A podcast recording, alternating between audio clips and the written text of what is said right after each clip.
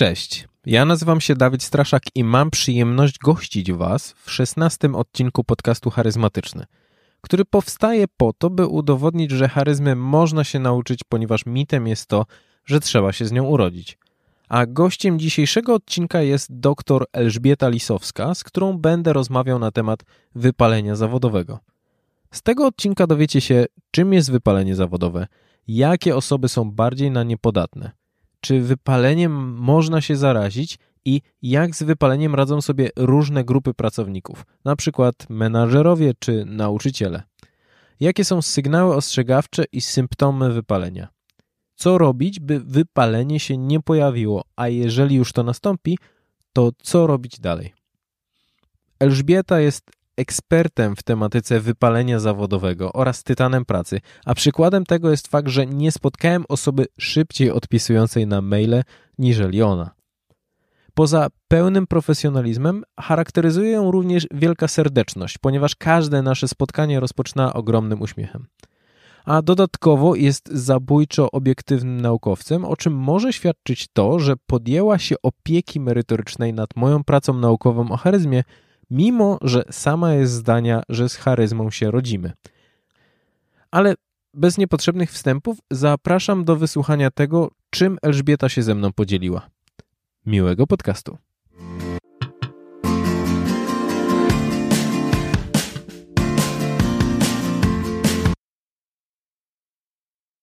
Witam serdecznie w podcaście charyzmatycznym. Bardzo miło, że, e, że wpadłaś i że postanowiłaś opowiedzieć o temacie, który będzie doty dotyczył e, wypalenia zawodowego. Tak, temat e, niełatwy, ale ważny.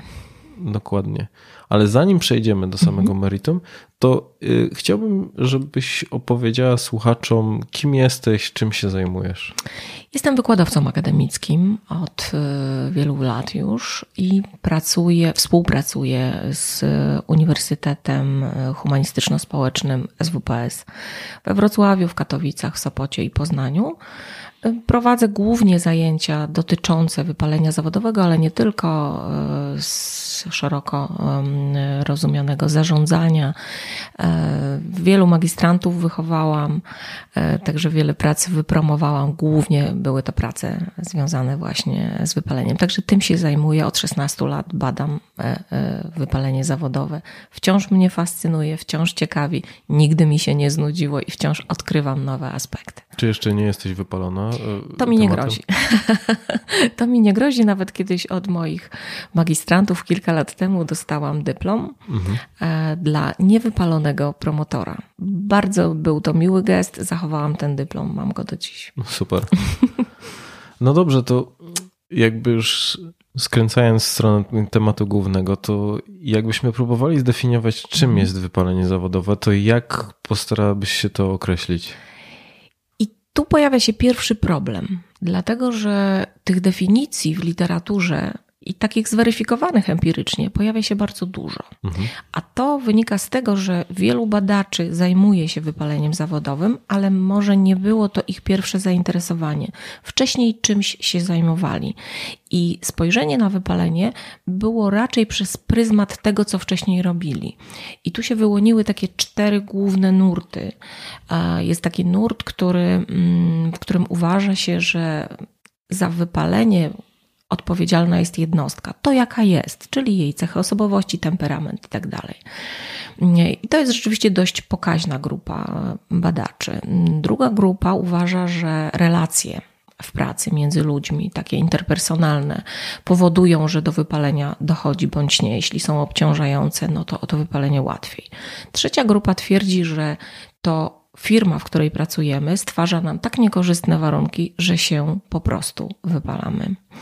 No i czwarta grupa, najmniej liczna, to twierdzi, że to są takie czynniki w dużej mierze społeczno-kulturowe. Mhm. Ale to jest taki naj, najsłabszy nurt. Tak naprawdę, gdybyśmy chcieli ogólnie powiedzieć, y, czym jest wypalenie, jest pewnego rodzaju rozczarowaniem, powiedziałabym, które prowadzi do tego, że tracimy sens w to, co robimy. Czyli zakładamy sobie jakieś, y, jakieś cele, mamy jakieś założenia, jakieś wyobrażenie naszej pracy, funkcjonowania w tym środowisku i tego, co chcielibyśmy osiągnąć. Często są to wyobrażenia nie na miarę naszych możliwości, nie na miarę miejsca, w którym jesteśmy, i dochodzi po pewnym czasie do rozczarowania, do frustracji yy, i zaczynamy tracić sens. Właściwie po co to robimy, dlaczego w tym tkwimy, to jest dla nas niedobre. Yy, no i oczywiście to nie jest takie zjawisko, które pojawia się w ciągu jakichś tygodni czy miesięcy. To jest, to jest proces dość mhm. długi i możemy wypale, o wypaleniu mówić w kontekście lat.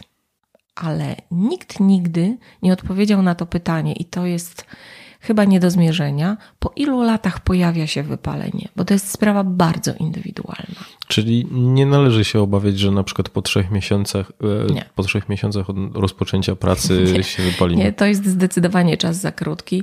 Możemy się zniechęcić, możemy się rozczarować danym miejscem i próbować tę sytuację zmienić. Mhm. W różny sposób oczywiście, ale po trzech miesiącach to możemy się przekonać, czy to miejsce lubimy, czy to jest dla nas, czy to chcieliśmy robić i możemy doświadczać stresu.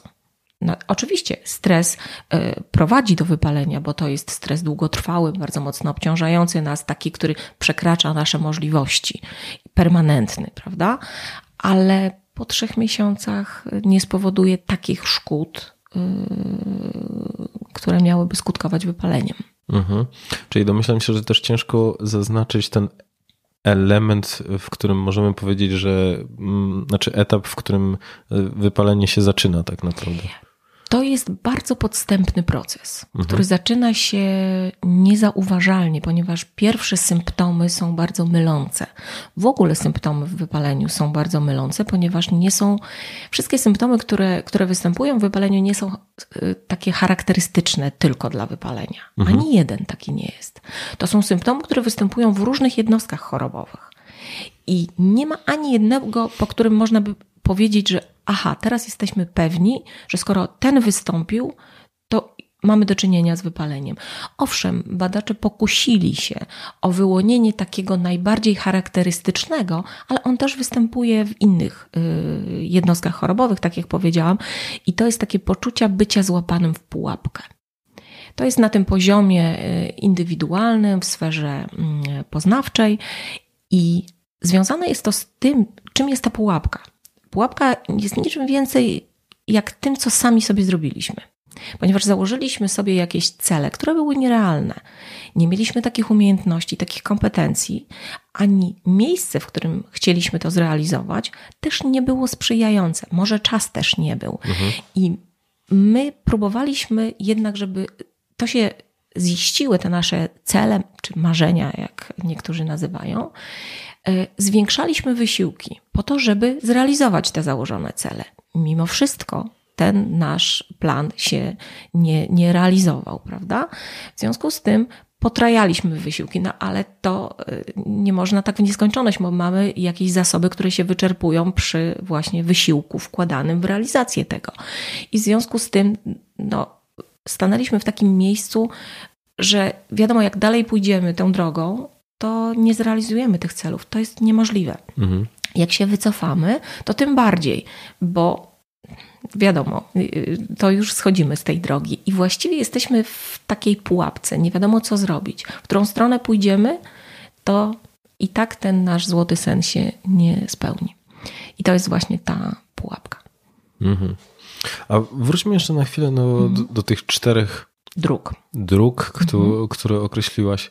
E, czy pierwsza to jesteśmy my jako osoby? I... To jacy jesteśmy, tak, ten nurt indywidualny. Czyli biorąc pod uwagę takie poszczególne jednostki, czy jest jakaś charakterystyczna grupa cech osobowości temperamental... Mm. osobowościowych czy temperamentalnych, mm. która jakby predysponuje do tego, że dana jednostka szybciej się wypali? Tak. Są oczywiście um, takie um, takich indywidualnych, zmiennych, jak to nazywamy, jest bardzo dużo, bo bierzemy tu pod uwagę i cechy osobowości, i temperament, kontrolę, poczucie koherencji, poczucie stabilności cech. Jest tego bardzo dużo i badamy oczywiście wszystkie te zmienne od wielu lat mhm. i rzeczywiście wyniki są bardzo podobne. Wspomniałeś o osobowości. Tak, no oczywiście w psychologii podziałów, jeśli chodzi o osobowość, jest bardzo dużo. Sam, mhm. sam jako psycholog wiesz to najlepiej. I taki mm, jeden z takich podstawowych podziałów na osobowość typu A i B. Wiadomo, że osoba y, typu A jest taką osobą bardziej żywiołową, energiczną, taką lubiącą rywalizację, szybsze tempo, ale też taką osobą, która nie, nie lubi ograniczeń, nie zaakceptuje swoich słabości, swoich ograniczeń i nie, źle sobie z tym radzi. W związku z tym, jak napotyka kłopoty i coś nie dzieje się po jej myśli, no to ta konfrontacja z rzeczywistością jest dla niej bardzo bolesna. Osobowość typu B, bardziej refleksyjna, cierpliwa, nie potrzebuje się tak ścigać, e, bardziej stawia na współpracę i też bardziej jest cierpliwa w czekaniu na efekty. W związku z tym prawdopodobieństwo tutaj wypalenia w typie B jest mniejsze. Rzeczywiście osobowość typu A sprzyja. Jeśli chodzi o temperament i taki klasyczny, stary podział na te cztery typy temperamentu, melancholik, y, choleryk, flegmatyk i sangwinik, no to najlepiej ma się sangwinik. On jest taki najbardziej wyważony, prawda? No mhm. choleryk wiadomo, szybko się zapala do czegoś, ale też szybko ten zapał traci i też nie potrafi zaakceptować swoich ograniczeń i źle współpracuje z ludźmi bo nikt nie chce e, tak na co dzień pracować z kimś, kto jest taki nieprzewidywalny i wybuchowy. Także tych zmiennych indywidualnych rzeczywiście jest e, bardzo dużo, chociażby poczucie koherencji. To jest taki konstrukt, który składa się z trzech e, części, czyli poczucia zrozumiałości, zaradności i sensowności, czyli to, w jakim stopniu rozumiemy wszystkie bodźce, które do nas docierają z otoczenia, to czy potrafimy sobie poradzić z wymaganiami y, otoczenia i wreszcie to, czy widzimy w tym sens. I te wszystkie trzy wymiary świadczą o wysokim poczuciu koherencji. Jeśli mamy wysokie poczucie koherencji, to zdecydowanie lepiej radzimy sobie w ogóle z rzeczywistością, bo widzimy w ten sens. No nikt nie mhm. chciałby robić czegoś, co nie ma sensu robienie czegoś bez sensu jest bez sensu, po prostu, mówiąc tautologicznie. Ale te osoby sobie lepiej radzą, e, są bardziej spokojne, e, są bardziej zadaniowe, e, koncentrują się właśnie na zadaniu, a nie na emocjach, co jest z kolei charakterystyczne dla osób o niskim poczuciu koherencji. Mhm. Te osoby są bardziej zagubione, łatwiej nimi manipulować, też ulegają wpływom. I też to co, to, co ich y, otacza, to jest y, przez nich odbierane jako taki chaos, są zagubione. Więc jeśli chodzi o te, o te indywidualne, o to y, zmienne, o to, jacy jesteśmy, to ma bardzo duży wpływ. Zdecydowanie, tak. Czyli jakby tutaj sama. Mm, samoświadomość siebie może wpływać na to, że my jesteśmy w stanie określić czy jesteśmy bardziej skazani na to wypalanie, czy. Myślę, że tak. Myślę, że tak. Jest jeszcze coś takiego jak odporność na stres. Wiemy, mhm. że stres jest odpowiedzialny za pojawienie się wypalenia, no bo stresują nas różne rzeczy. I tak jak powiedziałam o tych czterech drogach, to ten stres może się pojawić z różnych powodów, ale się pojawia. I teraz to, jak my sobie radzimy z tym stresem, jest tutaj kluczowe. Pojawia się też taka zmienna w tych zmiennych indywidualnych, jak twardość. Twardość jest niczym innym jak miarą odporności na stres. Mhm. Ktoś sobie lepiej radzi, ktoś sobie radzi gorzej. I te osoby, które mają wysoki poziom twardości, radzą sobie lepiej i być może to wypalenie u nich, jeśli nastąpi to albo zdecydowanie później, no bo też umówmy się, nie ma takiego drzewa, którego nie można złamać. To jest kwestia przyłożonej siły. Mhm. Więc też osoby z wysoką twardością też mogą ulec e, stresowi i, i, też sobie z jakimś tam stresem nie poradzić, jeśli on jest bardzo długotrwały i taki rzeczywiście silny. Ale jednostki takie o niskiej twardości będą się wypalać szybciej i, i bardziej to prawdopodobne, że się wypalą. Mhm. Tak. A co jest zagrożeniem w relacjach z innymi ludźmi, czyli ta druga droga? To jest ta druga droga, która mm, przez wiele lat była dość niedoceniana, ale dziś, po wielu latach badań, y, również moich badań, dostrzegam, że to jest ta najgroźniejsza droga. Mhm. Niestety. Dzisiaj relacje między ludźmi wyglądają źle. Źle dlatego, że są to relacje bez szacunku ludzie dzisiaj pozwalają sobie na więcej i uważają, że nie, że nie muszą szanować. Bo ludzie, jeśli się nie lubią, to czują, że są zwolnieni z tego, że powinni kogoś szanować. Bo można kogoś nie lubić, mhm. ale nie mamy prawa go nie szanować. Mamy różnych znajomych w pracy i kogoś lubimy bardziej, kogoś mniej, ale to nie znaczy, że jak kogoś lubimy mniej albo wcale, to możemy go nie szanować. I z tego braku szacunku biorą się konkretne zachowania w stosunku do tych osób. Jeżeli przebywamy z kimś w pracy na co dzień i mamy takie relacje obciążające właśnie, bo są e, bez szacunku i wtedy pozwalamy sobie w stosunku do tej osoby na więcej, na jakieś zachowania wrogie, agresywne i takie mm, no niegrzeczne, mówiąc e, eufemistycznie, to wtedy e, w dłuższej perspektywie czasowej my nie chcemy z taką osobą być, a jednak nie mamy wyjścia. Mhm. I męczymy się. Te relacje są toksyczne, te relacje są bez empatii, obciążające dla nas i po wielu latach badań śmiem twierdzić, że niekoniecznie e, albo nie zawsze do wypalenia dochodzi dlatego, że jesteśmy tacy głodni sukcesu i tak entuzjastycznie do tego nastawieni, bo mówi się, że to jest dobra droga do wypalenia, bo im większy entuzjazm, tym więcej można e, stracić i bardziej się rozczarować. Ale czasami ktoś po prostu spokojnie wykonuje swoją pracę i też nie ma takiego oczekiwania, że to zaraz będą jakieś fajerwerki, ale właśnie ma takie toksyczne towarzystwo w pracy, takie relacje niedobre, bardzo obciążające. I to powoduje, powoduje do tego, powoduje to, że zarażamy się y, tymi toksycznymi relacjami, że taka osoba, która na przykład wrogo się zachowuje, bo sama może być wypalona, mhm. oddziałuje na nas w tak niedobry sposób, że my przejmujemy styl zachowania tej osoby. Bo na początku próbujemy się jakoś bronić, zachowywać w różny sposób, łagodzić sytuację, ale to nie pomaga. I zauważamy, że to, co pomaga, to jest właśnie takie zachowanie jak zachowanie tej osoby. I dochodzi do wtórnego syndromu wypalenia i tak zwanego zarażania. Y, to właśnie bardzo ciekawe, bo wydaje mi się, że sam doświadczyłem czegoś bardzo podobnego, y, ponieważ pracowałem w zespole, który składał się z, y, na tamten czas z pięciu osób. I mam wrażenie, że byłem, jakby jako ostatni dołączyłem do zespołu, w którym już panowała pewna atmosfera, nazwijmy to niezadowolenia na którą ja nie chciałem się zgodzić i e, dokładnie tak jak mówisz, czyli w momencie, kiedy ja próbowałem jakkolwiek z nią walczyć, to potem powodowało to, że te osoby starały się mnie wtłoczyć w to, w jakie, jakie podejście miało tam panować. I to bardzo szybko przerodziło się w takie podejście do pracy z mojej strony, że taką całkowitą awersję i niechęć do samego mm, przychodzenia i tutaj pojawiał się ten syndrom niedzieli, że może jutro poniedziałek, więc nie chcę tam iść i zdawałem sobie mocno sprawę, że to wina tylko i wyłącznie tego zespołu, w, w którym, w którym na tamten czas pracowałem i w momencie, kiedy jakby już nie pracowałem, no to jakby to ustąpiło. I dopiero wtedy to zauważyłeś z innej perspektywy, kiedy wyszedłeś z tego zespołu, prawda? Tak, ale już e, co, co ciekawe, jakby tak myślę, że nieświadomie dążyłem do tego, żeby jak najszybciej zmienić zespół, e, chociaż nawet nie byłem w stanie tego sobie wytłumaczyć, o co tak naprawdę I, chodzi. I zdefiniować, gdzie leży problem. Dokładnie prawda? tak. Ale, ale czułeś niechęć, żeby dalej w tym uczestniczyć. Dokładnie. Mówisz o bardzo małym zespole, pięcioosobowym, mhm. ale zdarzają się zespoły dużo większe i wystarczy jedna osoba która właśnie ma taki sposób Takie bycia. zgniłe jajo. Takie zgniłe,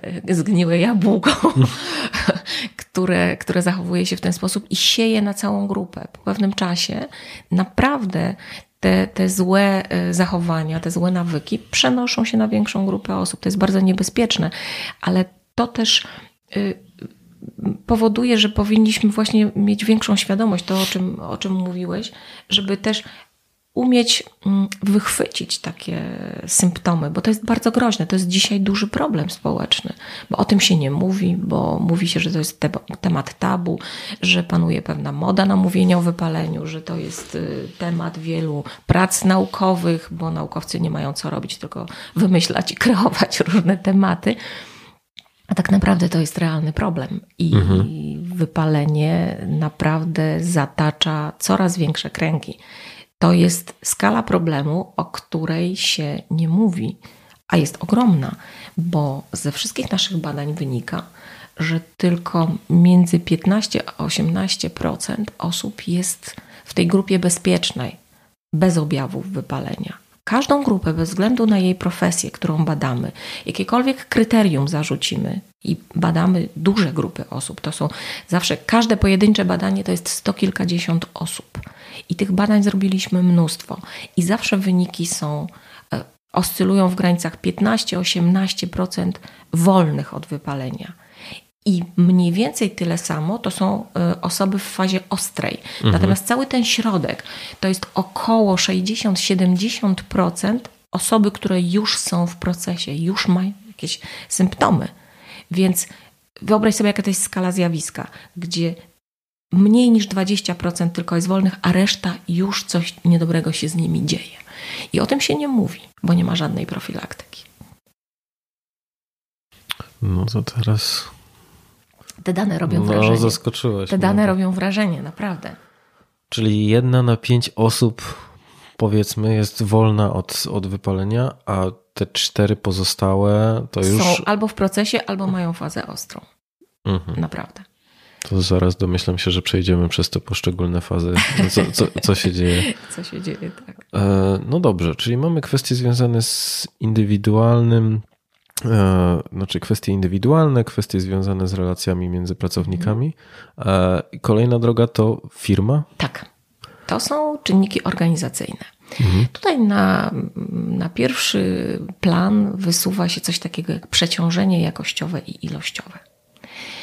Czyli mamy pracy za dużo i ciężar gatunkowy tych zadań jest też ogromny, bo jeszcze dodatkowo musimy robić to w pośpiechu. Wszystko jest na wczoraj, na już i wiecznie biegamy. Nie wyrabiamy się z tą pracą, więc zabieramy tę pracę do domu.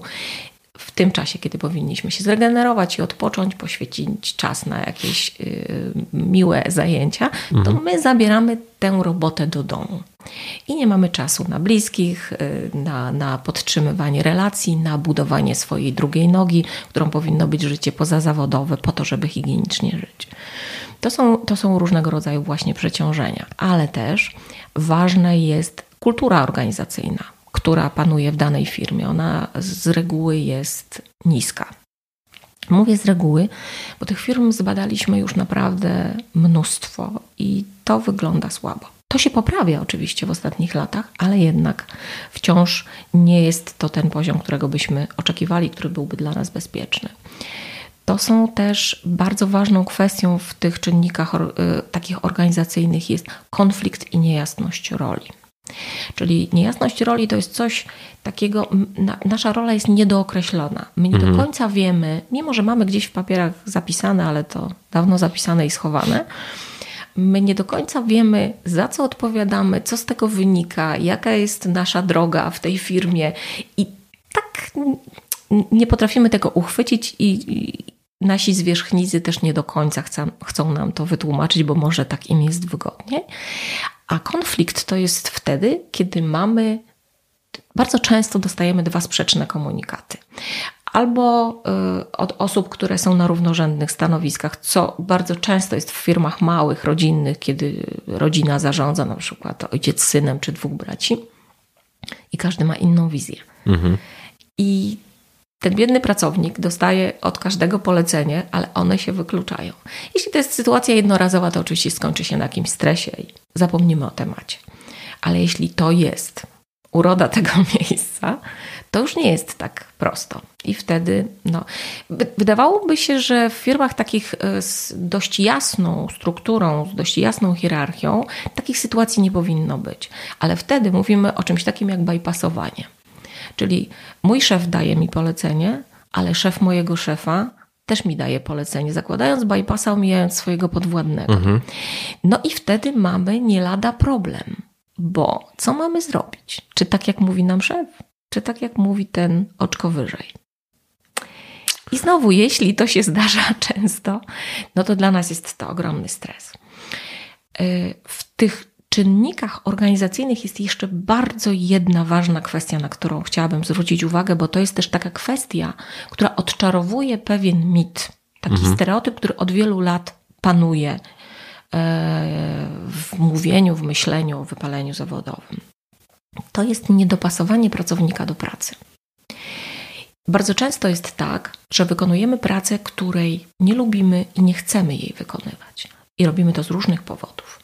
Często ekonomicznych, bo ona jest intratna finansowo. Mhm. I nie chcemy zrezygnować z tej pracy, bo to nam zabezpiecza zaplecze finansowe i nie chcemy zejść y, z tego standardu, prawda? Ale bardzo często jest też tak, że ktoś miał oczekiwania w stosunku do nas, że jeżeli tatuś jest prawnikiem, to oczekiwał, że syn też będzie. A może syn jest artystą w duszy i chciałby robić coś innego, ale gdzieś ktoś go wtłoczył w te ramy mhm. i on w tym trwa i właściwie nie chce z tej drogi zejść, bo myśli sobie, no cóż innego mógłbym robić, ale ewidentnie tej pracy nie lubi i nie chce jej wykonywać. I to jest to niedopasowanie, ale to też pokazuje, że wypalić się można w każdym zawodzie. I to jest ten stereotyp, o którym mówiłam, bardzo groźny, bo wiemy to od ponad 20 lat, że wypalenie dotyka każdej profesji. Każdej, mhm. bez wyjątku. A do roku 97, mm, kiedy opublikowano takie naprawdę ważne wyniki badań, e, uważało się, że wypalenie dotyka tylko zawodów pomocowych czyli pielęgniarki, lekarze, nauczyciele, policjanci, strażacy itd. Tak mhm. Otóż nie. Otóż okazuje się, że te zawody, jak każdy inny, też czyli są o... narażone. Ryzyko jest ogromne i do wypalenia dochodzi, ale kiedy prowadzimy badania porównawcze i porównujemy ze sobą zawód pomocowy versus zawód niepomocowy, jak chociażby menadżerowie, mhm. to okazuje się, że ci menadżerowie y, osiągają zdecydowanie wyższe wyniki na skali wypalenia. I to nie jest zawód związany z pomaganiem, prawda? A, bo teraz pojawiło mi się takie, mm, taki przykład w głowie wypalonego ogrodnika. I Zastanawiam się, czy można też powiedzieć, że e, te zawody pomocowe, o których wspominałaś, mhm. można też stawiać na, na szali, na jakby mm, w przypadku poziomu zagrożenia wypalenia jest taki sam. Znaczy, mówisz o takich zawodach y, czysto rzemieślniczych, rzemieślniczych można fizycznych, by... można by mhm. tak powiedzieć. Tak, takie badania też robiliśmy. Ale chodzi mi, czy, czy poziom wypalenia jest w nich podobny? Czy... Jest podobny. E, y, wiesz, robiliśmy takie badania mm, pracowników, którzy pracują przy taśmie produkcyjnej. Mhm. To jest taka praca, wydawałoby się nudna, monotonna, bardzo powtarzalna, prawda? No bo cóż, przy taśmie nie ma tu miejsca na kreatywność. Tu trzeba ściśle wykonywać tylko to, co jest do wykonania. E, ale też nie ma takiej, mm, przez to, że nie ma, e, nikt nie oczekuje od, od, od, tej, od tego pracownika kreatywności, bo on ma ściśle stosować się do poleceń, to on też nie bierze odpowiedzialności za jakieś decyzje, prawda? Bo on ma robić tylko to, co ma robić. Ale nawet w tak y, powtarzalnej i nudnej pracy pracownicy chcieli widzieć sens. Mhm. I sprawdziliśmy, y, jak się ma sprawa przeciążenia ilościowego u tych pracowników i poczucia koherencji. I okazało się, że nawet jeśli tej pracy jest za dużo i oni są zmęczeni, to oni doskonale wiedzą, że tak ta praca wygląda i to zmęczenie po prostu się pojawia, ale widzą w tym sens. A ci, którzy nie widzieli sensu w swojej pracy, czyli mieli to niskie poczucie koherencji, byli wypaleni. I to zadaje kłam też temu, y, co, co wielokrotnie się powtarza w literaturze, że tylko osoby z wyższym wykształceniem są narażone na wypalenie, a te z niższym nie. Otóż okazało się, że te z niższym też, bo każdy ma jakieś oczekiwania w stosunku do tej pracy i nawet taką nudną, powtarzalną pracę e, no, powinno wykonywać się, jak się wie, po co się to robi. Czyli widzieć w tym jakiś sens. Mhm. A bardzo często firmy też nie, nie mają takiej otwartej polityki, nie, pracownicy nie wiedzą po co to robią. One znają, każdy pracownik zna swój jakiś pojedynczy wycinek, prawda? No ale też powinien wiedzieć po co, że ten wycinek jest składnikiem większej całości. Wtedy by wiedział po co. A tak to myśli sobie po nic, czyli moja praca nie ma wartości, to nie ma sensu. Mhm. No i wtedy u nich dochodziło do wypalenia. Czyli można powiedzieć, że wypalenie dotyka wszystkich zawodów tak. w miarę na tym samym poziomie. Tak. Takim ostatnim nurtem mm, i też moim takim konikiem, bo mm, wiadomo, może nie wiadomo, ale to powiem, że taką badawczo najbardziej interesującą dla mnie grupą to są pracownicy korporacji, głównie mhm. menadżerowie i to sięgam po te szczeble raczej wyższe. I rzeczywiście tam jest stres ogromny, bo trzeba podejmować bardzo dużo decyzji różnych, często pod presją czasu. I to są decyzje, które ważą. Każdy podpis pod decyzją e, to są ogromne pieniądze, to, to są konsekwencje i finansowe, i, i takie ludzkie, prawda? Mhm. I to mnie zawsze najbardziej interesowało, ale kiedy robiłam badania porównawcze, właśnie menadżerów z zawodem pomocowym, to się okazało, że menadżerowie, to co już wcześniej mówiłam, osiągają zdecydowanie wyższe wyniki na samej skali wypalenia, ale co ciekawe, lepiej sobie z tym wypaleniem radzą. I, I z czego to wynika? Z czego to wynika? Myślę, że y, menadżerowie to jest bardziej taka wyselekcjonowana grupa. Żeby zostać menadżerem, oczekiwania pracodawcy są trochę większe. Teraz sobie wyobraź, co trzeba zrobić, żeby zostać nauczycielem. Z całym szacunkiem dla nauczycieli, bo ja ich podziwiam i bardzo szanuję. Mhm. Sama jestem nauczycielem akademickim. Ale żeby zostać nauczycielem, to trzeba mieć dyplom. Ale czy weryfikuje się nauczycieli pod kątem umiejętności pracy z młodzieżą, z dziećmi? Mhm. Nie. Czy rozlicza się z wyników? Już chyba teraz trochę tak jest, ale nie do końca. To, to, to nie jest takie. Ciężko jest to w ogóle zmierzyć. Więc... No tak, wiesz, no są egzaminy na koniec gimnazjum, czy tam po szóstej klasie, czy mhm. ile, jakie są wyniki na maturach, ilu się dostało na studia. No. Wyobraziłem sobie teraz nauczyciela zwolnionego za to, że nie dowiózł wyniku z egzaminu gimnazjalnego. Nie występuje taki przypadek, natomiast y, y, i za brak wyników też. Y, natomiast zwolnienie menadżera za brak wyników to jest standard. Mhm. To oczywiście tak jest. On, on czuje cały czas, że jest łatwo wymienialny. I to jest też jego stres. Natomiast nauczyciel czuje się bezpiecznie, mhm. prawda? I też w nauczycieli myślę, mniej się inwestuje, jeśli chodzi o różnego rodzaju strategie radzenia sobie ze stresem, w ogóle różne szkolenia. To, to, to jest grupa mocno niedoinwestowana.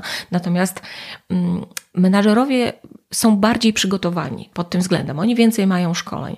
Poza tym, jak e, sprawdzaliśmy, jak się to rozkłada w latach, to u nauczycieli te skoki wypalenia na przestrzeni lat były w różnych miejscach stażu, prawda? Mhm. Natomiast u menadżerów, jak raz te wyniki poszły do góry, to tak już zostały do końca. I to świadczy o tym, że oni cały czas funkcjonują w takim podpaleniu, bym to nazwała nauczyli się funkcjonować w tych warunkach, bo to jest ich środowisko naturalne. Radzą sobie oczywiście różnie. Najczęściej jednak to są odpowiedzi badanych, bo mm, takie pytania mm, zadawaliśmy. I na pytanie, co najbardziej relaksuje cię po ciężkim dniu pracy, e, lub co ci pomaga e, zredukować stres, no, Odpowiedź była jedna istotna statystycznie, a potem długo, długo nic. Jak myślisz, co to było? Szklaneczka whisky. Co do ilości nie wypowiadali się, ale tak, był to alkohol. Mhm. E, I myślę sobie, że to też jest związane z ich stylem funkcjonowania. No bo wiadomo, menadżer ma różne spotkania biznesowe, na których alkohol nie jest niczym dziwnym. E, są kolacje biznesowe, są wyjazdy y, różne w delegacje, gdzie alkohol jest czymś naturalnym. A poza tym y, menadżerowie szybko żyją, podejmują szybko decyzje i oni też oczekują szybkich efektów. A alkohol bardzo szybko rozluźnia mhm. i, i daje ten efekt, którego chcą w tym momencie. No i jest relatywnie tani. Y, tak, i też y, tłumaczą się, że nie mają czasu iść, wiesz, zregenerować się, bo przez jakiś sport czy inne rzeczy. I, I, bo im się nie chce, bo już są zmęczeni, bo wracają do domu, to już chcą tylko usiąść. A na, a na inne rzeczy nie mają czasu. I to powoduje, że żyją niehigienicznie. A ta higiena życia jest tutaj kluczowa. A pamiętasz może, co też wskazywali na tej liście oprócz alkoholu jako sposoby radzenia sobie? Długo, długo nic. Naprawdę. Y, ja y, byłam bardzo zaintrygowana tymi wynikami, bo to była jedyna odpowiedź, która była istotna statystycznie. Potem Czyli długo, reszta... długo nic. Cała reszta to były jakieś takie pojedyncze odpowiedzi, coś właśnie Sport, ze, ze sportem. No no, chyba nawet nie, wiesz, chyba mhm. nawet te, ta, ta yoga nie. Ja, ja liczyłam, że, że powiedzą jakieś czytanie czy sprzątanie, bo mnie relaksuje sprzątanie, ale to jestem chyba pod tym względem jakaś nietypowa. E, takich odpowiedzi nie było. Natomiast e, co odpowiedzieli nauczyciele? Mhm. Mm, sport. To była taka szeroko rozumiana e, aktywność fizyczna, bo tam również był spacer, tego typu aktywności, więc tak po prostu odpowiedzieli nauczyciele, że to ich relaksuje. Hmm. Nie wspomnieli o alkoholu. Ciekawe zestawienie dwóch. E, tak, dwóch bardzo grup. mnie to interesowało i jak, jak, jak porównać te konsekwencje, jak y, przebieg, jak to będzie wyglądało. Próba była naprawdę duża, potem replikowana po 10 latach i rzeczywiście wyniki są no, prawie identyczne. Także dzisiaj z pełną świadomością mogę powiedzieć, że menadżerowie są tą grupą taką, w której te wyniki są bardzo, bardzo wysokie i właściwie się nie zmieniają i oni żyją w takim permanentnym stresie. I to ma swoje koszty. No dobrze, a wracając jakby do czwartej drogi, która jest. Te społeczno-kulturowa. Mhm.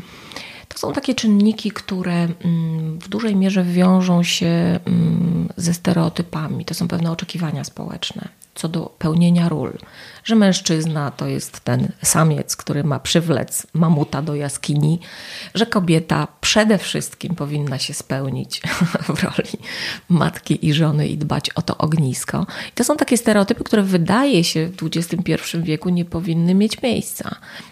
A jednak, a jednak. A jednak są. E, dużą rolę odgrywa tutaj też e, środowisko wspierające lub nie, co też łączy się i mocno wiąże z tymi stereotypami. I też e, należy zwrócić uwagę na przemiany takie mm, polityczne, ekonomiczne, bo jak przemiany polityczne, to i wiążą się z tym ekonomiczne, i u nas bardzo często dochodzi do różnych takich zawirowań co ma konsekwencje dla, dla różnych ludzi, którzy muszą zmieniać pracę, poszukują. E, ta ich rzeczywistość zawodowa jest niepewna, boją się i dochodzi do różnych później takich komplikacji w konsekwencji. Czyli można powiedzieć, że jeżeli e, facet zarabia mniej niż kobieta, to może to prowadzi i jego to frustruje. Może jego to, to frustruje, on jest rozczarowany, bo myślał, że on tutaj będzie się spełniał i będzie wykonywał taką pracę, która pozwoli mu e, zapewnić rodzinie byt, a mhm. to, że kobieta zarabia więcej, no nie każdy facet to zniesie. Mhm. Czy może to... to wprost prowadzić do wypalenia? Nie odpowiem na to pytanie, nie wiem. Jasne, tylko... Ale na pewno jest stresujące. Okej, okay, bo chciałem właśnie dojść do tego, jak, jak takie czynniki mogą wpływać na, na samo to wypalenie. To też nigdy nie jest tak, że jeden czynnik powoduje wypalenie. Ja też mhm. wspomniałam o tych czterech drogach, ale bardzo pięknie ujęła to profesor Helena Sęk, dla której mam olbrzymi szacunek, bo w warunkach polskich to jest ktoś na, mian, na miarę Krystyny Maslach, która jest guru na świecie. I mm, profesor Sęk y, właściwie ma taki bardzo, takie ujęcie holistyczne, jeśli chodzi o wypalenie. On takie wieloaspektowe. Ona uważa, że i to, jacy jesteśmy, i to, jakie mamy relacje, i to, w jakim środowisku tkwimy, i to, jak organizacyjnie to wygląda, to wszystko ma wpływ. Czyli to jest taki, taka wypadkowa bardzo wielu rzeczy. Czyli nie, nie można uznać, że to jest jeden czynnik, który powoduje. Tak naprawdę te wszystkie drogi gdzieś tam się schodzą i to są czynniki yy, właściwie wszystkiego po trochu. Pewnie, że zawsze może być jakiś dominujący, taki, od którego to się zaczęło. Ale tak naprawdę myślę, że najczęściej to jest zbiór pewnych czynników, które, które na siebie nachodzą i, i powodują ten kłopot, w którym się znajdujemy. Czyli z jednej strony jest bardzo dużo czynników, które, które może to powodować, a tym samym jest bardzo dużo objawów, które jest ciężko jednoznacznie przypisać tylko i wyłącznie tak. do, do Tak, dlatego, że te objawy po, pojawiają się i na poziomie indywidualnym, i na poziomie interpersonalnym. My też już jesteśmy inni mhm. dla naszego otoczenia. I, i też objawy, które pojawiają się na, na tym poziomie organizacyjnym. Też już nie jesteśmy takim pracownikiem, nie jesteśmy tak wydajni, e, jesteśmy inni i wszyscy już to widzą. My też, ale długo zakłamujemy rzeczywistość, że to nie my mamy problem, to nie z nami jest coś nie tak, bo te objawy są takie niecharakterystyczne i podstępne mhm. i dlatego tak, tak trudno nam jest wychwycić to y, u siebie zwłaszcza, u innych prędzej to widzimy, no ale to chyba normalne, jak to w życiu z wieloma innymi rzeczami. E, dlatego tak ważna jest ta świadomość. Dlatego tak cieszę się, że każdego roku wypuszczamy na uczelni grupy, które przeszły y, te, ten kurs, mogę nazwać to uświadamianiem, bo od tej świadomości się zaczyna. Mhm. A jakie sygnały ostrzegawcze mm, mogą świadczyć o tym, że wypalenie nas dotyka? Już wspomniałaś o mhm. tym poczuciu bycia w pułapce? Tak, ale to jest coś, co mm, jest dopiero później, na późniejszych mhm. etapach. Ale to... od czego się zaczyna? E, jesteśmy zniechęceni. Zniechęceni właściwie do wszystkiego. Do pracy już nie chodzimy tak chętnie jak kiedyś. I jesteśmy zmęczeni bardzo często. I to jest takie zmęczenie, które nie mija kończy się weekend, a my nadal jesteśmy zmęczeni, bez mhm. względu na próby, jakie podjęliśmy, żeby to zmęczenie zniwelować. Właściwie kładziemy się spać zmęczeni i wstajemy zmęczeni.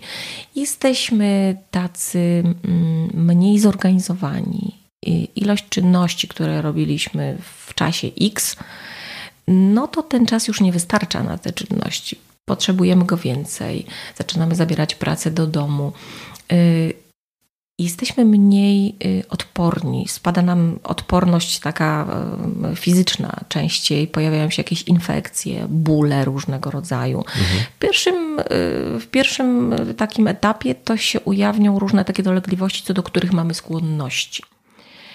Każdy ma jakąś piętę achillesową i ta ruszy na nas y, w pierwszym etapie. Czyli takie objawy psychosomatyczne tak. od razu się mogą pojawić? Tak, mhm. bardzo często jest też tak, że idziemy do lekarza i wszystkie analizy świadczą o tym, że my jesteśmy zdrowi.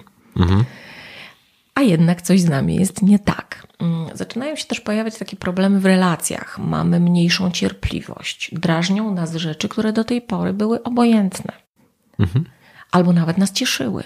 Przestają nas cieszyć rzeczy, y, które nas, nam sprawiały radość, czy to w związku z relacjami z innymi ludźmi, czy, czy robiliśmy, mieliśmy jakieś zamiłowanie, hobby. Przestajemy y, to robić. Y, czujemy, że jesteśmy inni, że nie jesteśmy sobą i otoczenie zaczyna też to widzieć, ale nie potrafimy tego zdefiniować, nie wiemy, co to jest. Kompletnie. I to jest właśnie takie podstępne, że niby tak coś się dzieje, ale nie wiemy co i tak nie potrafimy tego dookreślić. Mhm. Oczywiście w literaturze znajdziemy takie mądre, złote rady, że wystarczy wyjechać na weekend i będziemy uzdrowieni. Oczywiście nic bardziej mylnego, bo ten weekend jest potrzebny, czasem może on nie wystarczyć, ale tu chodzi o to, żebyśmy regenerowali się częściej. Że jeżeli weekend, to tak ale każdy. Nie mówimy, że w każdy musimy wyjechać, ale regenerujmy się w każdy weekend. Zróbmy sobie święto, odpoczywajmy, nie zabierajmy tej pracy, nie, nie próbujmy zawsze nadrabiać całego tygodnia i załatwiać jakichś spraw, które są też nieprzyjemne. Każdego dnia powinniśmy się nagradzać i zrobić jakąś rzecz miłą dla siebie i regenerować się. Oczywiście najgorzej jest tutaj z menadżerami wspomnianymi, bo oni uważają, że po pierwsze nie mają na to czasu, po drugie to są w ogóle jakieś głupoty i mhm. w ogóle oni są do wyższych celów stworzeni. Co to w ogóle jest jakiś higieniczny tryb życia i jak się im mówi, że trzeba się wysypiać, że dieta też jest ważna, że trzeba robić okresowe badania, w jakiej kondycji jesteśmy. Im jesteśmy sprawniejsi, im jesteśmy bardziej odporni, tym łatwiej nam mierzyć się z różnymi problemami dnia codziennego, a te są i będą. Oczywiście, ale ta higiena życia jest na różnych poziomach poczynając od siebie, przez relacje, prawda? Także no, powinniśmy się regenerować. Natomiast, tak jak powiedziałam, tutaj ten weekend nie wystarczy. To trzeba zmienić pewien y, styl funkcjonowania. Dobrze, i co, co następuje dalej? W sensie, tu mamy te początkowe sygnały tak. ostrzegawcze. No później to się wszystko zaostrza. Mamy taki etap, w którym ujawnia się coraz więcej dolegliwości. Mhm. I te dolegliwości już są y, dość poważne, bo tak jak powiedziałam, ujawnią się rzeczy, co do których mamy jakieś predyspozycje. Tu rzeczywiście mm, charakterystyczne takie dla, dla tego drugiego etapu jest y, taka permanentna irytacja. My już nie, jesteśmy, nie jesteśmy towarzystwem, e, za którym ludzie przepadają. Mhm. E, ludzie stronią od nas, izolują się, bo e, jesteśmy niemili, bywamy opryskliwi, agresywni nawet, nieprzyjemni. Wszystko nas wkurza. Jesteśmy ciągle podenerwowani, poirytowani. Z byle drobiazgu potrafimy zrobić wielką awanturę. Jesteśmy chorzy i to nasze złe zachowanie i złe reakcje y, wypływają też poza środowisko zawodowe. My jesteśmy już niemili w domu. Mhm. Irytują nas dzieci, irytuje nas partner, y, nie mamy siły na to, jesteśmy tacy zniechęceni do wszystkiego relacje w, dalszej, czy to rodzinie, czy, czy w gronie znajomych też na tym cierpią, bo nie chcemy się z nimi spotykać, mamy to w nosie. Mhm. Zaczynamy się zachowywać zupełnie inaczej. I teraz to nie jest tak, że każdy etap e, jest wiadomo taki początek i koniec. To, to, to jest takie, granice są dość rozmyte. To są pewne widełki. Więc w zależności od tego, jacy my jesteśmy, jaką mamy odporność i co dzieje się też wokół nas poza pracą, to wtedy wiemy mniej więcej, my naukowcy potrafimy to określić, w jakim stanie jest dana osoba i czy to potrzeba wtedy interwencji specjalisty. Na pewno e, specjalista może tu pomóc, ale może bardzo często i od tego należałoby zacząć, chodzi o wsparcie bliskich osób. Jeśli mamy kogoś, kto może do nas wyciągnąć tą pomocną dłoń, pomóc nam, my możemy się wygadać, poradzić, e, ktoś nam dobrze doradzi i, i mamy jakąś refleksję, mm, to dobrze. E, na niektórych etapach przyda się coach. Mhm. Na wielu etapach psycholog, ale w tym kolejnym etapie na pewno niezbędna będzie pomoc lekarza, psychiatry. I tu się zaczyna pewien problem, dlatego że bardzo często wypalenie jest mylone z depresją. Jeśli trafimy do lekarza psychiatry, to lekarze psychiatrzy w Polsce są świetni w diagnozowaniu depresji, a jest to też dzisiaj problem naszych czasów. I objawy wypalenia i depresji na pewnym etapie są identyczne. Bardzo łatwo te dwie jednostki pomylić, ponieważ lekarze psychiatrzy nie chcę powiedzieć, nie specjalizują się w wypaleniu, ale słabo się w tym temacie poruszają. Bardzo mhm. często dochodzi do pomyłki. Yy, wiadomo, że depresję leczymy również farmakologicznie. I ta farmakologia na, na, na takim um, już w takiej aktywnej fazie wypalenia jest niezbędna, chociażby po to, żeby poprawić komfort snu, bo ludzie w wypaleniu, tak jak i w depresji, nie śpią. Potrzebne są też jakieś y, leki, które w ciągu dnia poprawiłyby nastrój, bo ten nastrój jest fatalny. Więc tutaj w, tym, w, tej, w tej trzecim etapie, y, omówiliśmy pierwszy, drugi, ale w tym trzecim etapie rzeczywiście to wygląda jak depresja. My jesteśmy chorzy, wycofujemy się z pracy, unikamy ludzi, unikamy samej pracy, uciekamy w coś. No i teraz albo uciekamy w chorobę, albo uciekamy w hazard, albo uciekamy e, w alkohol, w różne inne używki, co może być charakterystyczne też dla takiego etapu. Zachowania dla nas niecharakterystyczne, nietypowe. Często ktoś powie, to był taki spokojny człowiek, a teraz nagle dziwnie się zachowuje, y, jakieś sporty ekstremalne, jakieś takie zachowania bardzo ryzykowne. I to, to powinien być bardzo poważny sygnał dla naszego otoczenia, że z nami dzieje się coś niedobrego. Mhm. I być może jest to właśnie wypalenie. Ale nie wszyscy muszą się zachować w ten sposób. I to jest kolejny y, taki podstępny aspekt wypalenia, bo Niektórzy mogą się wypalać w sposób taki pasywny, czyli jak to mówię, cierpieć gdzieś cichutko w kątku. Mhm. A ktoś wypala się spektakularnie z fajerwerkami. To może być miks, bo w zależności od fazy możemy różnie e, to przeżywać, doznawać tego, a możemy w jeden sposób. Może być to sposób mieszany, a może być taki albo, albo taki. Czyli albo po cichutku, albo spektakularnie, albo w sposób mieszany. I każdy ma swój indywidualny wzór wypalenia. To związane jest z tym, jacy jesteśmy osobowościowo, temperamentalnie, to, co dzieje się w naszym życiu poza pracą, e, to jakie mamy zasoby, jak jesteśmy wyposażeni, czyli jak jesteśmy silni. Mhm. Wszystko ma znaczenie. To, czy mamy wspierające środowisko, prawda? Więc to jest taki miks i każdy wypala się po swojemu. Nie ma jednego wzoru. Każdy w swój jakiś charakterystyczny sposób. Dlatego z tego też powodu jest to trudne do diagnozowania. Bardzo ciężko się diagnozuje wypalenie.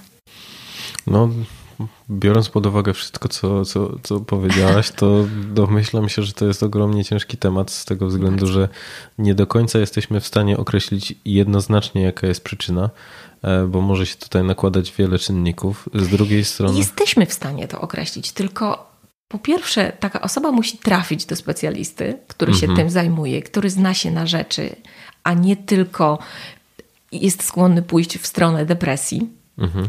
Bo ta depresja, e, mm, tak jak powiedziałam, włączy y, lekarz farmakologię i na pewnym etapie ona jest niezbędna, ona musi być włączona. E, będzie terapia, ale będziemy leczyć objawy, a nie znajdziemy tej drogi naszej indywidualnej, która doprowadziła do tego, że znaleźliśmy się w takiej sytuacji. I tu jest potrzebny specjalista od właśnie y, wypalenia, a tych jest bardzo mało. I to jest problem.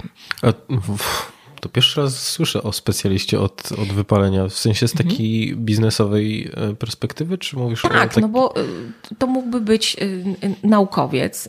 Mhm. Ja się zajmuję akurat na, nauczaniem, pracą na uczelni, ale też by padały takie propozycje, żebym jakiś gabinet otworzyła i, i, i zajmowała się tym. Wciąż na to za mało czasu jest.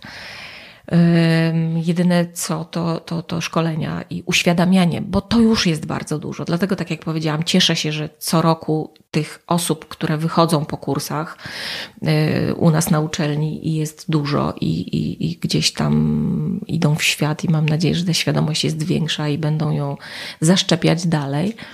Mm, to jest bardzo ważne, ale też właśnie nie mamy takich specjalistów do których osoby w takim kłopocie mogłyby trafić. Mhm. A czy biznes często się do ciebie zwraca z, e, z prośbą o pomoc w sytuacjach właśnie, kiedy... Coraz częściej, tak, coraz częściej to jest już ta świadomość na tyle duża, że, że coraz częściej, ale wciąż jest to skala za mała. Wciąż nie ma takiego u nas myślenia, że prewencja jest najważniejsza, że lepiej y, zapobiegać niż leczyć, mhm. że zdrowa e, firma, zdrowy organizm e, to są zdrowi pracownicy. A nie ma takiego myślenia, że y, trzeba coś zmienić w firmie, bo pracownicy są zestresowani. To tak się nie, nie dzieje póki co. No domyślam się, bo jeżeli mówisz, że mm, w odniesieniu do tego środowiska i mm, relacji e, z, w świecie biznesu, mhm. które powodują, że my też możemy się wypalać, no to załóżmy, że ten nasz menedżer, menedżer, który jest szefem, jest wypalony, to wtedy w jaki sposób on musi oddziaływać na wszystkich swoich pracowników? Konsekwencje są okropne. Naprawdę, bardzo, bardzo y, ciężkie to są konsekwencje dla pracowników. Jeżeli szef jest wypalony, a jeszcze ma taki styl zarządzania e, bardzo autorytarny, mhm. Y, no to to jest bardzo niesprzyjające środowisko i on, że tak powiem, sieje dalej to swoje wypalenie i zaraża. To jest bardzo groźne. To jest jeden również z tych czynników organizacyjnych. One się też przenikają, bo można tu powiedzieć, że to jest interpersonalny, ale też organizacyjny, prawda? Mhm. Taki właśnie autokratyczny styl y, zarządzania, taki, który się nie liczy z ludźmi i bo tak powiedziałem i tak ma być. I też nie interesuje się swoimi ludźmi, co się z nimi dzieje. Może trzeba im zmienić e, nie wiem, dział, e, stanowisko, bo, bo tutaj już się ta formuła wyczerpała i to jest e, niesprzyjające dla niego. Cokolwiek, ale pochylić się nad tym człowiekiem, być uważnym na drugiego człowieka. No a nie ma jeszcze no nie chcę powiedzieć, że w ogóle nie ma, bo pewnie są organizacje, które idą w w kierunku tych turkusowych mhm. organizacji, ale wciąż to jest taka mała skala. Jednak. Domyśl, domyślam się, że najczęściej mm, jak się postępuje w sytuacjach, kiedy jest menedżer lub pracownik, który jest już powiedzmy na tych dalszych etapach wypalenia zawodowego, to to, co się z nim robi, to raczej nie pomaga się mu, tylko zastanawia się nad tym, w jaki sposób pozbyć się go z firmy. Właśnie to się tak ładnie mówi, przesunięcie na zewnątrz. To tak, to się, to się raczej pozbywa, bo się uważa, że to nie jest mój problem. Mhm. To jest też powód, dla którego wciąż wypalenie jest tematem tabu w firmach. Mówię, pomału się to zmienia, ale jednak zbyt powoli, bo jeśli. Mm, organizacja przyzna, że jest jakiś, jakaś skala zjawiska w firmie, no to teraz się należy zastanowić, gdzie zostały popełnione błędy. Może na etapie rekrutacji, może to nie są odpowiednie osoby, może y, styl zarządzania jest y, niesprzyjający, może system zarządzania jest y, zły, a tego zmienić nie da się tak łatwo i nie, nie, nie, no, firmy nie zdecydują się na zmianę systemu zarządzania ze względu na to, że pracownicy są zestresowani. No, to, to tak się nie dzieje. E, więc nie chcą takiej wiedzy, bo to jest wiedza, z którą musieliby coś zrobić, prawda? I teraz, kiedy ja lata temu robiłam badania do doktoratu, to pamiętam, że miałam 20 największych e, prezesów i dyrektorów e, największych firm w Polsce, którzy stwierdzili, że to jest w ogóle fantastyczny projekt i to jest bardzo ważny i ciekawy temat.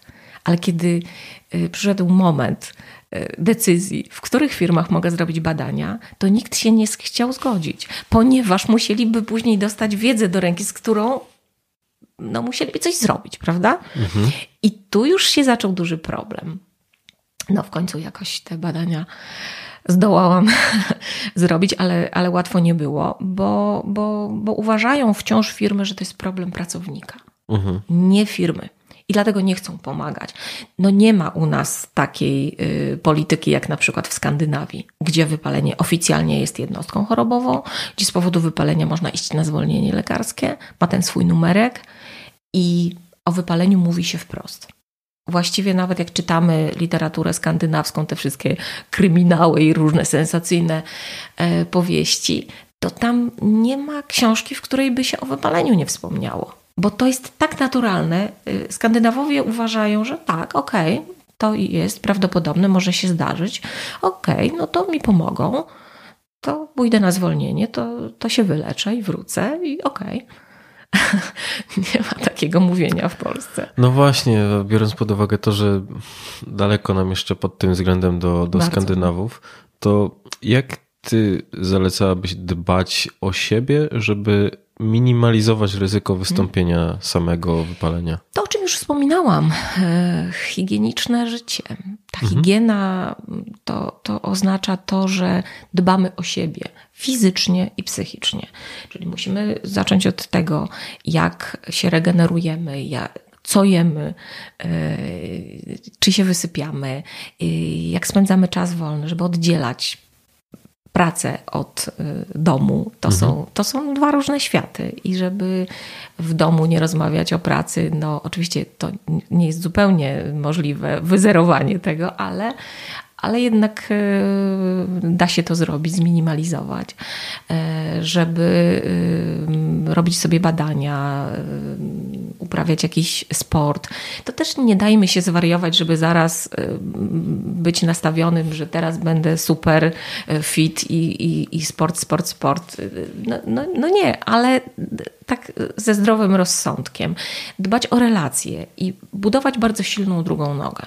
Ludzie, którzy budują tylko jedną swoją nogę, umacniają tą nogę zawodową, zapominają o całej reszcie, zaniedbują relacje, zaniedbują siebie. I tak naprawdę, kiedy w pracy dzieje się coś złego, nie mają się czym podeprzeć. Bo to wsparcie ze strony bliskich, ze strony rodziny i taka silna nasza kondycja jest tutaj nieoceniona. A jeżeli mamy tylko jedną nogę, no to jeżeli coś się stanie złego i ona się przewróci, co nam zostaje? Niewiele. Więc to jest taki zdrowy balans.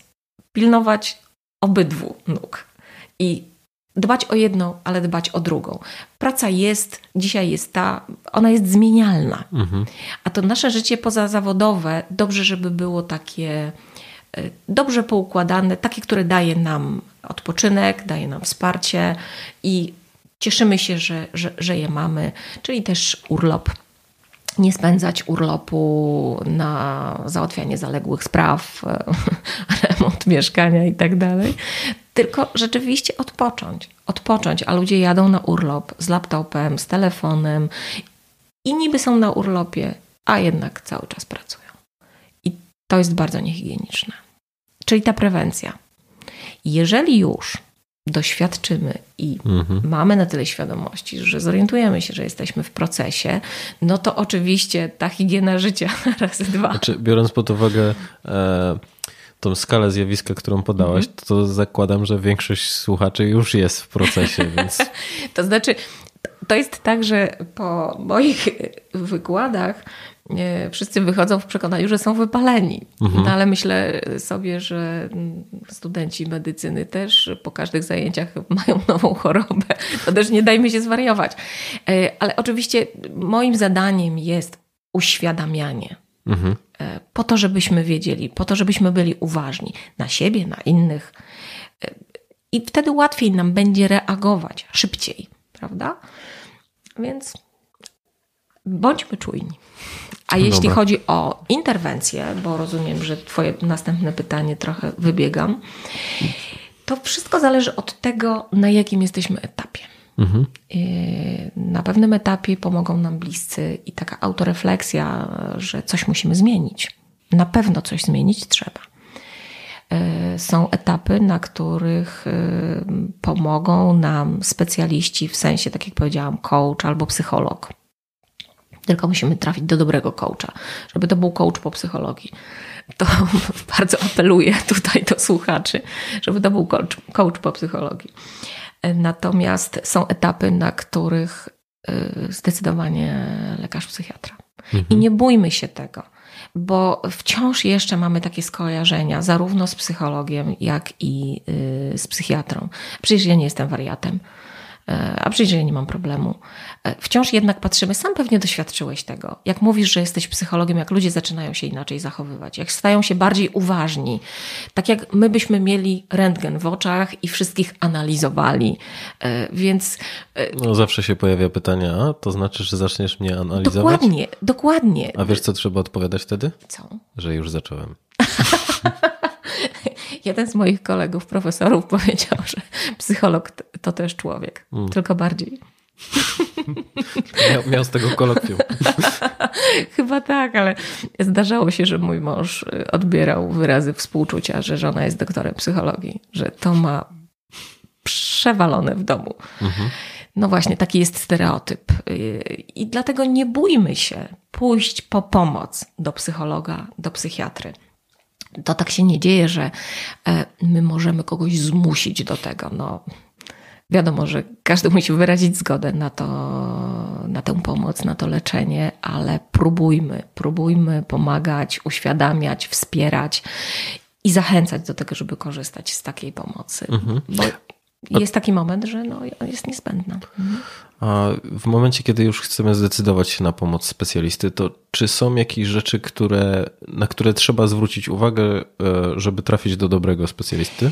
Wiesz, dzisiaj mamy dostęp e, poprzez internet do, do, do, do profili różnych mhm. specjalistów, więc warto poczytać różne, e, tak, taki profil zawodowy, czym się zajmuje i pójść do osoby, która no jest najbliżej tego, może poczytać jakieś rekomendacje, chociaż nie zawsze są miarodajne, różnie to bywa, ale, ale tak, taki, taki profil. Mhm. Kurczę, no trochę przygnębiające jest to. Tak, ja sobie zdaję sprawę, że nie zajmuję się taką, e, taką działką wesołą i, i to, jest, e, to jest bardzo smutny temat, bo bardzo groźny i bardzo podstępny e, ale im więcej będziemy o nim mówić, im bardziej, mocniej będziemy uświadamiać, tym są większe szanse powodzenia. I jeszcze raz mówię, żyjmy higienicznie i nie bójmy się specjalistów, bo każdemu z nas może się przytrafić wypalenie. Skala zjawiska mówi sama za siebie, ale nie bójmy się specjalistów, róbmy coś z tym, a nie zakłamujmy, że samo przejdzie. Samo nie przejdzie. Czasami możemy troszeczkę poprawić swoje, swoją kondycję poprzez to, że na przykład rodzina nas zmusi do tego, żebyśmy pojechali na urlop i mówią ogarnij się, zrób coś ze sobą, wreszcie jedźmy gdzieś na urlop, zróbmy coś. I wtedy na chwilę e, to nasze samopoczucie, ten dobrostan polepszy się. Chyba, że ten urlop jest wyjątkowo za krótki, albo jesteśmy w takim stanie, że on nie pomoże, bo nie potrafimy na tym urlopie się odciąć od myślenia o pracy. Mhm. I wtedy jeszcze bardziej się denerwujemy, że tam się toczy życie bez nas. I skoro radzą sobie bez nas, to może my jesteśmy niepotrzebni. I pojawia się dodatkowy stres, i wpadamy w taką spiralę, i nie wiadomo, jak z tego wyjść. No i wtedy potrzebny jest specjalista. To jest już bardzo wyraźny sygnał do tego, że potrzebujemy pomocy. Mhm. Chciałem też zapytać o, o literaturę, którą byś polecała, ale mhm. powiedzia, powiedziałeś, że podeślesz. Tak, możemy się umówić, że, że, że ja tobie podeślę kilka pozycji, natomiast y, przestrzegam przed tym, żeby tak y, po prostu sobie zgooglować termin wypalenie, bo po pierwsze wyskoczy bardzo dużo rzeczy niewartych czasu, mhm. tak zwanych śmieci. Tych rekordów wypadnie mnóstwo, więc jeśli, jeśli już czytać, to rzeczy wartościowe, rzeczy takie zweryfikowane empirycznie, a nie jakieś tak zwane popłuczyny, popłuczyn. Jest mnóstwo takich e, w sieci dziwnych e, informacji. Pięć sposobów na to, jak uniknąć No wypalenia. właśnie, mniej więcej tak. E, więc jeśli już, to mm, co prawda literatury w języku polskim, jeśli chodzi o wypalenie, jest mało. W ostatnich latach trochę się zmienia na pewno godna uwagi jest profesor Helena Seng, bo tak jak powiedziałam, to jest guru. Mhm. E, jeśli chodzi o, o obcojęzyczne, to Christina Maslak, ale ja podeślę, podeślę taką listę rzeczy, że tak powiem, najbardziej zjadliwych, takich, które są no, przyswajalne. O, o nienaukowe nie, publikacje. Nie, nie, ale które są przyswajalne dla niepsychologów, żeby też nie były napisane takim językiem z którym nie wiadomo, co zrobić. Mam jeszcze pytanie o mm, takie skutki długotrwałego wypalenia zawodowego. Ogromne, Czy... ogromne. Y, przede wszystkim y, w sferze takiej fizycznej, bo tak jak powiedziałam, ujawnią się różne dolegliwości. Stres powoduje ogromne spustoszenia w naszym organizmie i będziemy po prostu chorzy. To są choroby różnego rodzaju, to są choroby kardiologiczne. Y, mamy z układem trawiennym problemy, wszystkie jakieś wrzody, które się ujawniają, kręgosłup. Właściwie lekarz każdej specjalności ma tu coś do roboty. I teraz w skrajnych przypadkach wypalenie, z którym nic nie zrobimy, doprowadzi nas do zgonu. Ale ponieważ, ja wiem, jak to zabrzmiało, ja wiem, widzę Twoją minę, ale tak jest. E, mm, ponieważ wypalenie w Polsce nie ma swojego numerka i oficjalnie w akcie zgonu będzie wpisana przyczyna zgonu, zawał, wylew. Mhm i udar, masę innych rzeczy, które tam można wpisać. Ale co do tego doprowadziło? Ten permanentny stres, w którym żyliśmy, to wypalenie, w którym żyliśmy, z którym żyliśmy i z którym nic nie robiliśmy. I ja wiem, jak to brzmi, że teraz mówię jak jakiś szarlatan, ale naprawdę, uwierz mi, y, to jest y, prawdopodobne, że dochodzi do zgonów. Tylko przyczyna zgonu jest inna, dlatego nie ma tego w żadnych statystykach. Więc to jest najpoważniejszy skutek. Zastanawiam się nad jakimś takim pozytywnym aspektem tego wszystkiego, bo idziemy w stronę negatywizmu. Wiesz co, pok- myślę, że takim mm, pozytywnym aspektem tego jest to, że jeżeli mamy y, na czas autorefleksję mhm. i wiemy, co nas spotkało i potrafimy sobie z tym poradzić z pomocą różnych e, osób, bliskich specjalistów i potrafimy to zwalczyć. A uwierz mi, mam takich studentów na podyplomówkach najczęściej, którzy mają już jakiś bagaż doświadczeń, którzy mówią, że doświadczyli wypalenia, przechorowali to, wyszli z tego i dziś wyszli z tego silniejsi i mądrzejsi. Mhm. Że poradzili sobie z tym, zmienili swoje życie robią coś zupełnie innego. Już nie zatracają się w tej pracy tak na wariata. To to jest ten pozytywny aspekt, że można z tego wyjść. Nie zawsze jest to możliwe, ale prawdopodobne. Czyli ta autorefleksja jest tak. tutaj to, co powiedziałam, świadomość, świadomość, świadomość, mhm. żeby, żeby mogła być ta autorefleksja. Dobrze. Teraz e, pytanie, które zadaję wszystkim swoim gościom, czyli Czekam na nie. czym według ciebie jest charyzma? Wiesz, mm, pewnie spodziewasz się trochę innej odpowiedzi. Ja jako y, osoba, która z tą charyzmą naukowo troszkę się zetknęła z, za twoją przyczyną, ale mm, odpowiem Ci tak prosto, że dla mnie charyzma jest pewnym magnetyzmem. Mhm. Myślę, że osoby charyzmatyczne wyczuwa się od razu. One mają swój magnetyzm, który przyciąga. To nie jest. To nie zawsze jest dobry magnetyzm, bo czasem ludzie tę charyzmę wykorzystują w celach takich niecnych e, i manipulują, bo, bo wiedzą, że mogą ale myślę, że to jest jakiś rodzaj przyciągania. To jest coś, co powoduje, że zwracamy na kogoś uwagę, że chcemy z tą osobą przebywać i że, że nas pociąga. Czyli jednym słowem magnetyzm. No super, no. To jest jakieś nowe spojrzenie. E, e, wiesz co, jak, jak najbardziej się z tym zgadzam.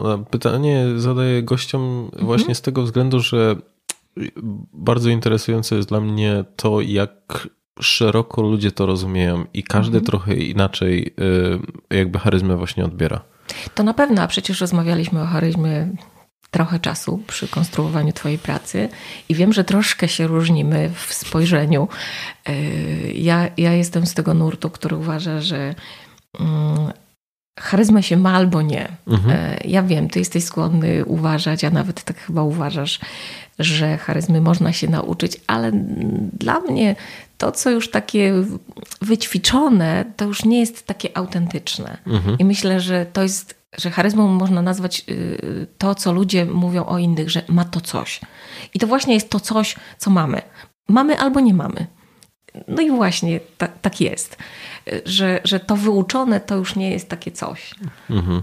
Bo wtedy jesteśmy w stanie zdefiniować, co, co to mhm. jest. To nie jest, myślę, takie magnetyczne, tylko takie troszkę sztuczne, to już jest jakiś taki fals. Mhm, rozumiem. Chyba tak. A powiedz, jeżeli ktoś chciałby się z Tobą skontaktować, to jaką drogą najlepiej byłoby Myślę, do Ciebie drogą dotrzeć? mailową. Możemy, możemy podać e, śmiało mojego maila. Dobra, to będzie też podane w, tak, w, więc w linkach. E, zapraszam, jeśli ktoś miałby jakieś e, dylematy i jakieś, jakieś pytania, to oczywiście tak. Zawsze mnie cieszy, jak moi studenci się nawet po latach do mnie odzywają i, mhm. i chcą o coś dopytać, poradzić się. To jest bardzo miłe, że, że, że wciąż o tym myślą i chcą coś z tym robić. Także oczywiście mm, mailowo jak najbardziej. Mhm. E, no dobrze, to w takim razie to, to wszystko z mojej strony. Ja bardzo Ci dziękuję. Obawiam się, że trochę ta rozmowa spowodowała, że, że jestem lekko przestraszony, że to zjawisko jest tak, e, tak szerokie, ale też jestem bardzo zadowolony z tego, jak e, kompleksowo to opisałaś i dostarczyłaś też dużo informacji, jak sobie z tym wszystkim radzić. Ja bardzo dziękuję za zaproszenie.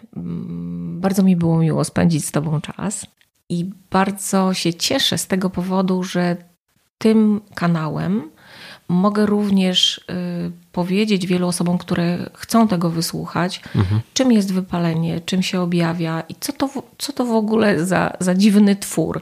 To jest też dla mnie okazja do podzielenia się swoją wiedzą, swoimi wynikami badań, po to właśnie, żeby uświadamiać, po to, że może wiele ludzi chciałoby się czegoś dowiedzieć i, i to im uświadomi, jak groźny to jest problem, jak, jaka jest skala zjawiska i jak bardzo złożony to jest problem, mhm. wieloaspektowy, wielopoziomowy, jak trudny do diagnozowania. Ale to zabrzmiało bardzo smutno, natomiast nie chciałabym, żeby tak się smutno kończyło. Powtarzam jeszcze raz. Da się z tego wyjść, mhm. ale trzeba sięgnąć po pomoc. I nie bójmy się tego. No i tym, tym akcentem zakończymy. bardzo dziękuję. Dziękuję jeszcze raz. Co ciekawe, bardzo często od Was, e, od słuchaczy podcastu, dostawałem pytanie właśnie o tematykę wypalenia zawodowego, co jest dla mnie informacją, że jest ona ogromnie ważna. Dlatego pamiętajcie, by osoby, u których obserwujecie objawy wypalenia zawodowego, lub jeżeli obserwujecie je u siebie, skontaktowały się ze specjalistą, psychologiem lub psychiatrą. Zapraszam też do dzielenia się tym odcinkiem z waszymi znajomymi i bliskimi, ponieważ w odniesieniu do tego, co powiedziała Elżbieta, wypalenie zawodowe dotyczy naprawdę większości z nas, więc idealnie by było, gdyby większość osób wiedziała, w jaki sposób sobie z nim radzić i jak mu przeciwdziałać. Dziękuję również za, za Wasz czas i mam nadzieję, że do usłyszenia w następnym odcinku. Cześć.